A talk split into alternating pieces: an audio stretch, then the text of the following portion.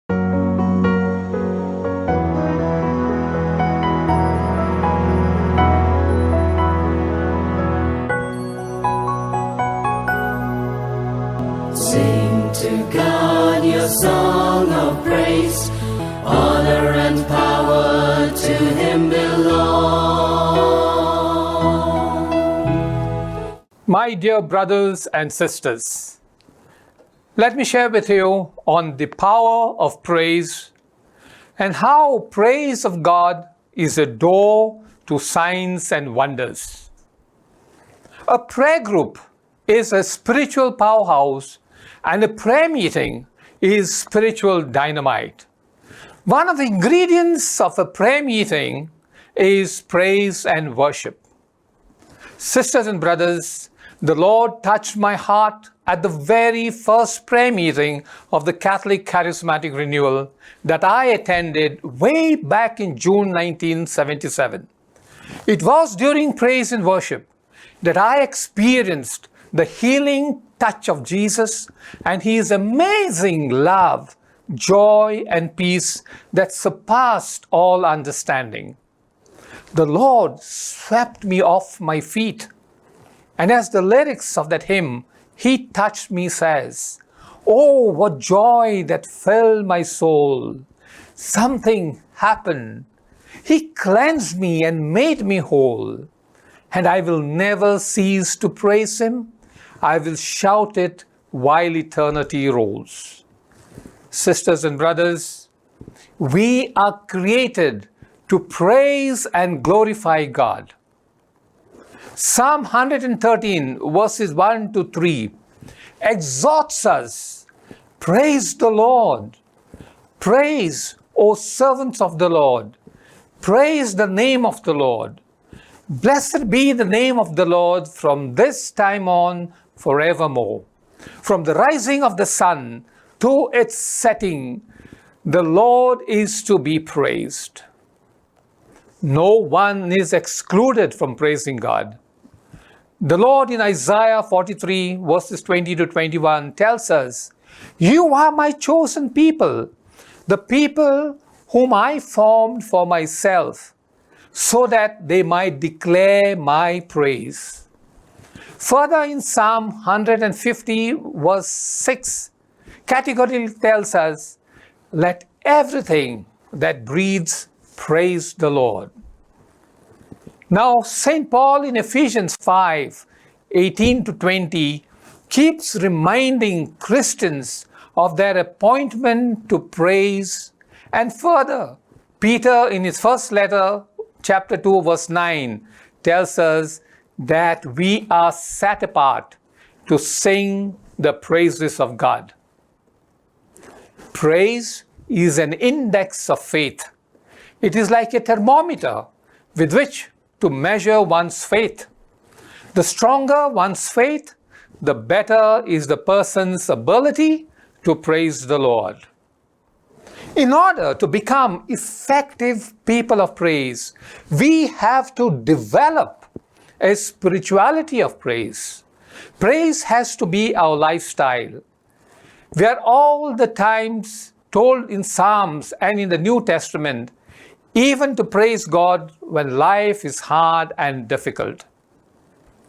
The inspiring words of Prophet Habakkuk in chapter 3, verse 17, is worthy of emulation.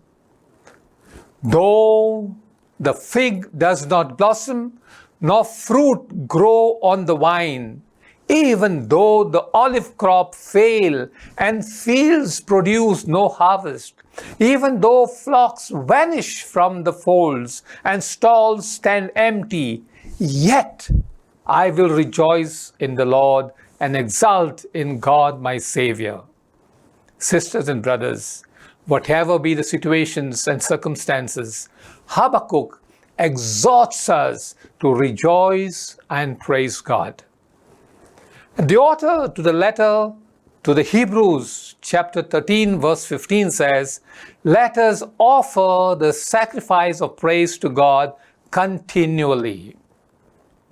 Let the peoples praise you, O God. Let all the peoples praise you. The earth has yielded its increase. God, our God, has blessed us. This is what the psalmist tells us in Psalm 67, verses 5 and 6. often we forfeit the yield and its increase and the many blessings when we fail to praise God. Sisters and brothers, praise is our joyous response to God's unconditional, faithful, and covenanted love. We just heard the words of Isaiah 43, verse 21, where God says, You are the people whom I formed for myself, so that they might declare my praise. Declare his praises, and you will experience the presence and the power of the Lord. Remember, there is power in praise, and it is a door to signs and wonders. What is praise? Praise is an expression of appreciation and admiration for God for who He is, while worship is a silent, contemplative adoration of God. Worship is an expression of reverence and adoration. In other words, by praise we acknowledge God's greatness, and by worship we acknowledge God's holiness. Very often, A session of praise and worship is reduced to a time of only thanksgiving and petitions. Praise and worship is directed to God, while thanksgiving and petitions is directed at self, at what God has done for us. Praise takes us from the earthly to the heavenly level. This is a time for worship and exaltation of God. from singing, clapping, and making a joyful noise, we come face to face with God. We reach a point when we just gaze upon the face of God. We want God and God alone. Now, Psalm 150 uses the term praise 13 times in six verses. and it provides the where, the why, the how, and the who are called to praise God. The first verse provides the where of praise. Praise God in the sanctuary, praise Him in His mighty heavens. In short, praise Him everywhere. The next verse teaches us the why to praise the Lord. Praise Him for His mighty deeds praise him according to his surpassing greatness. Now, further in verses 3 to 6, specifies the how to praise the Lord. Praise him with the trumpet sound, with the lute and the harp, with tambourine, with dancing, with strings and pipe, with clanging cymbals, with loud clashing cymbals. And the last verse on who are called to praise the Lord. It tells us, let everything that breathes praise the Lord. Firmly states that everything includes everyone, all of us that has breath are commanded to praise the Lord. We need to decisively follow the dictates of this psalm, and you will experience, sisters and brothers, the power the miracles, signs and wonders in your life. Although praise is scriptural, right and proper, many people find it difficult to offer praises to God. Some of the hindrances to praise are sins, worldliness, anger, pride, oppression by the evil spirits, fear, and so on. But God wants us to deal and surmount all these barriers and become vivacious vessels of praise. Remember Psalm 115, verse 17. It reminds us that only the dead do not praise the Lord. St. Augustine aptly said, O God, to know you is life. To serve you is freedom. To praise you is the soul's joy and delight. The praise of God should not be put on or forced, but it should always be sincere and spontaneous.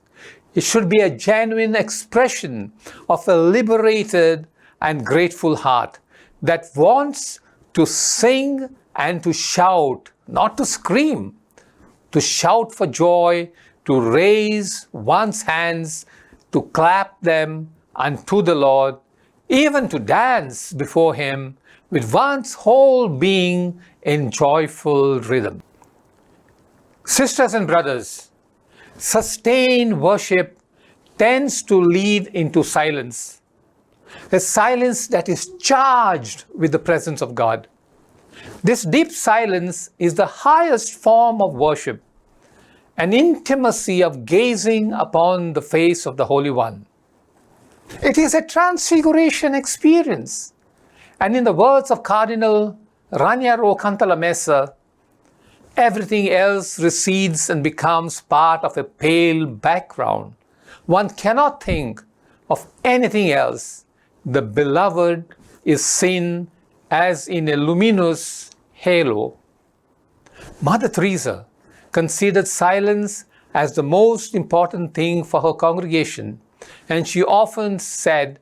that God is a friend of silence, his language is silence. There is power in praise, sisters and brothers, and praise of God opens the doors to signs and wonders. Let me explain. Praise is God's address. Psalm 22, verse 3 says, At you, the Holy One, who makes your home in the praises of Israel. Another translation says that the Lord inhabits our praises, for he manifests himself when we praise him. The word inhabits, according to the concise Oxford Dictionary, means to dwell in. So this verse unmistakably states that the Lord makes his home, dwells in, lives in, and manifests himself in our praises. If you find God absent, genuinely praise him, and you will find him close to you.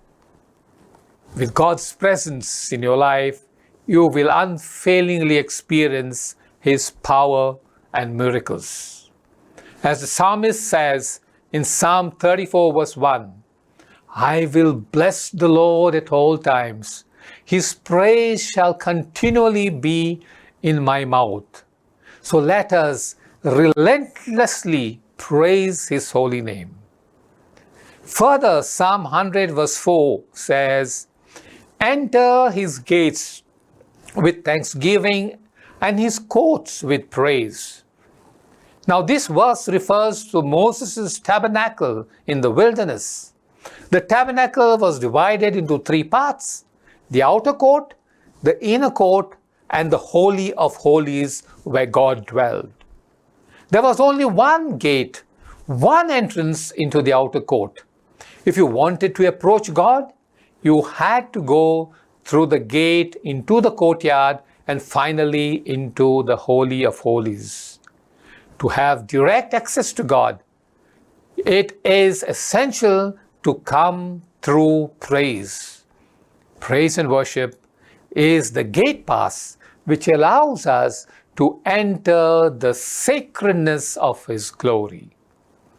Sisters and brothers, God delights in his people. We need to recognize that the Lord ministers powerfully to us during praise and worship.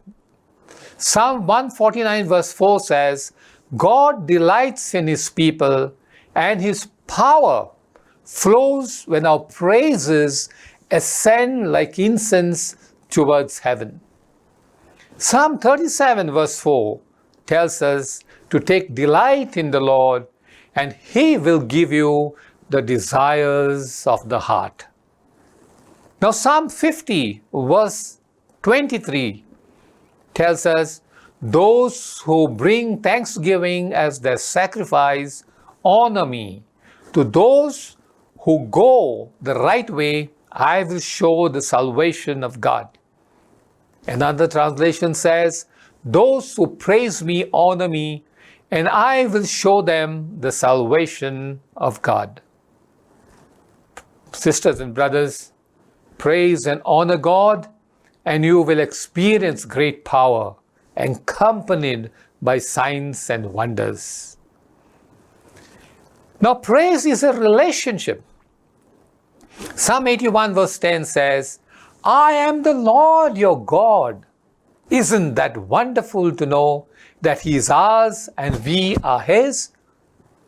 Praise brings us into a closer relationship with Jesus, for He dwells in the praises of His people.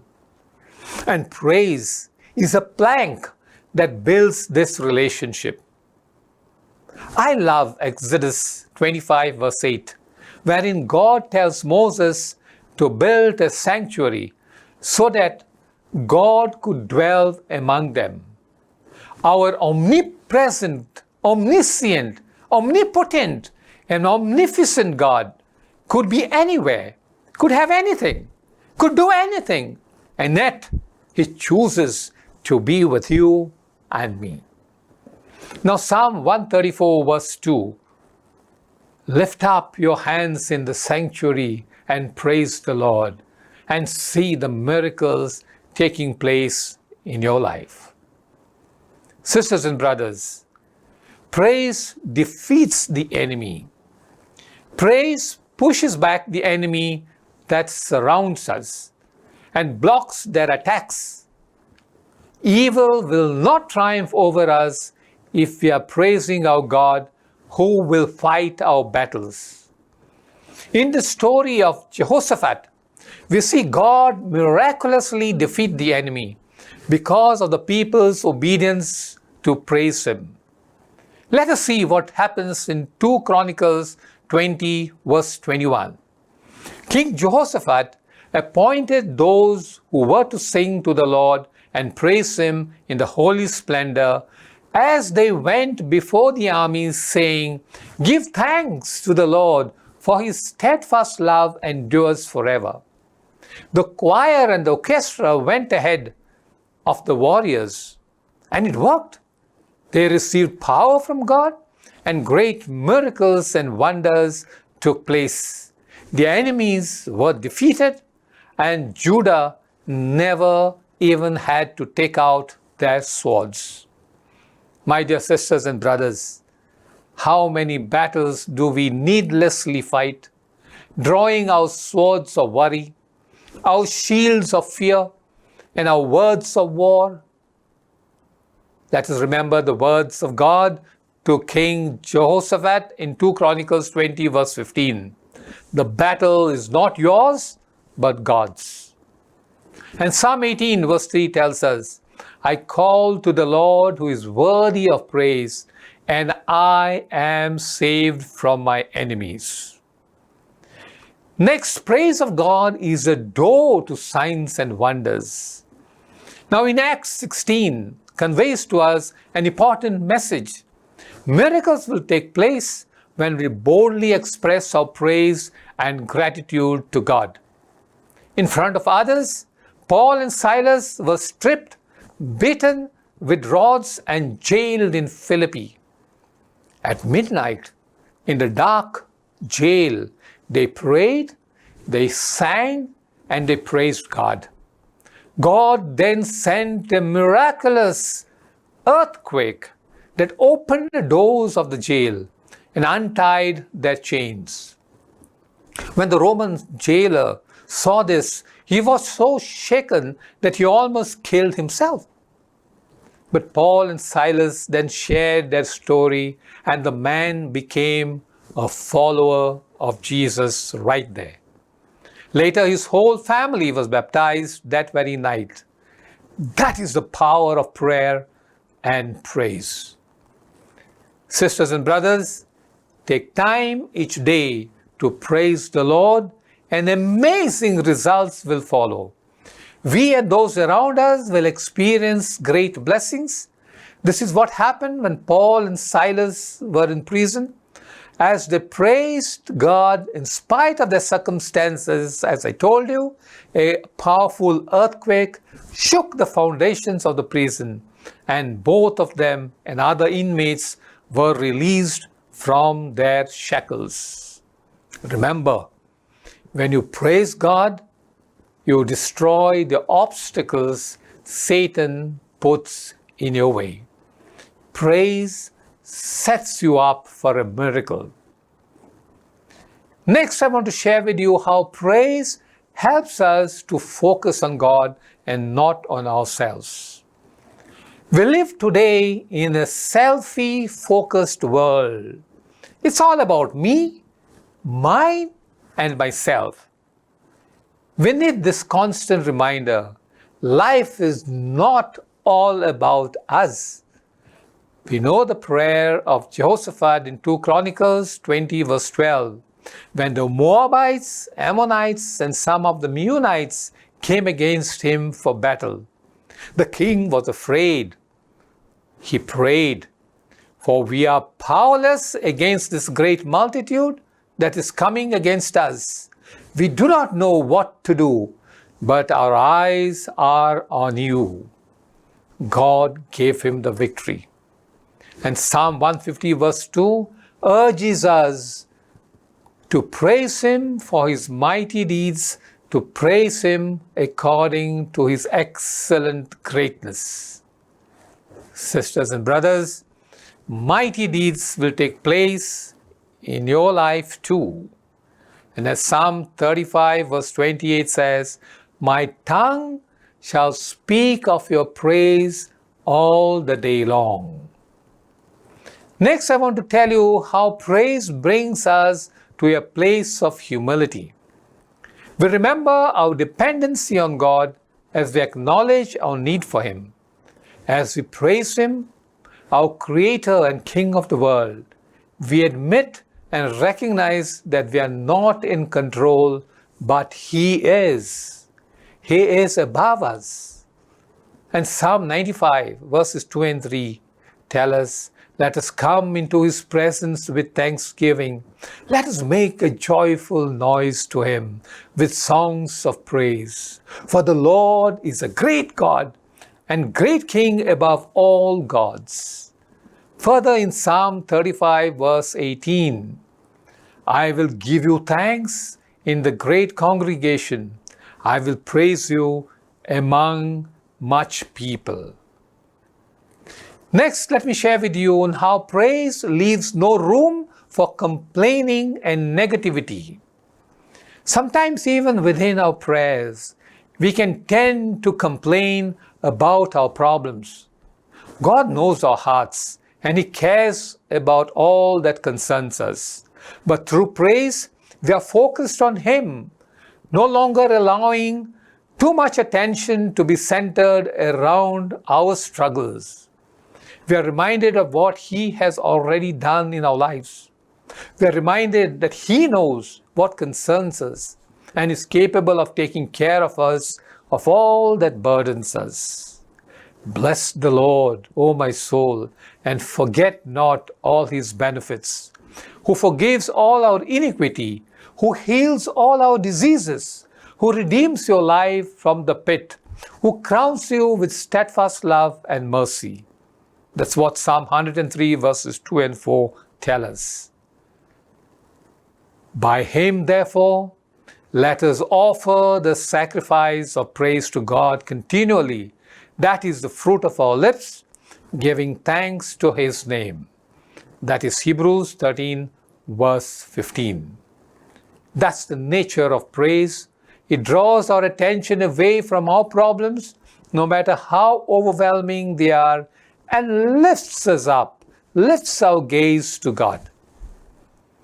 Next, praise makes room for God's blessings over our lives. He will not hold back His goodness.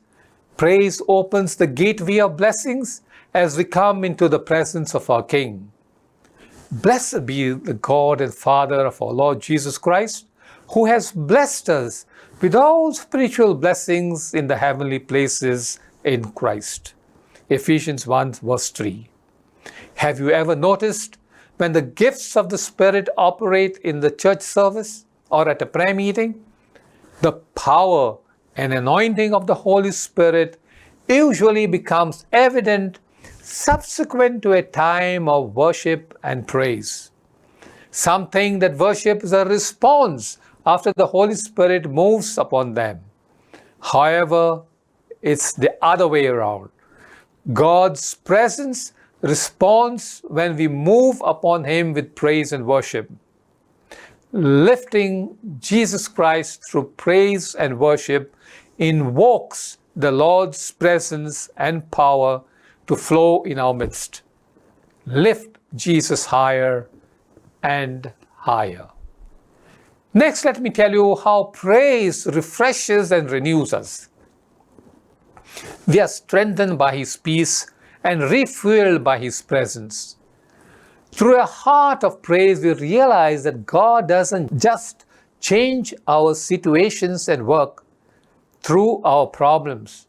He changes our hearts. He refreshes and renews us.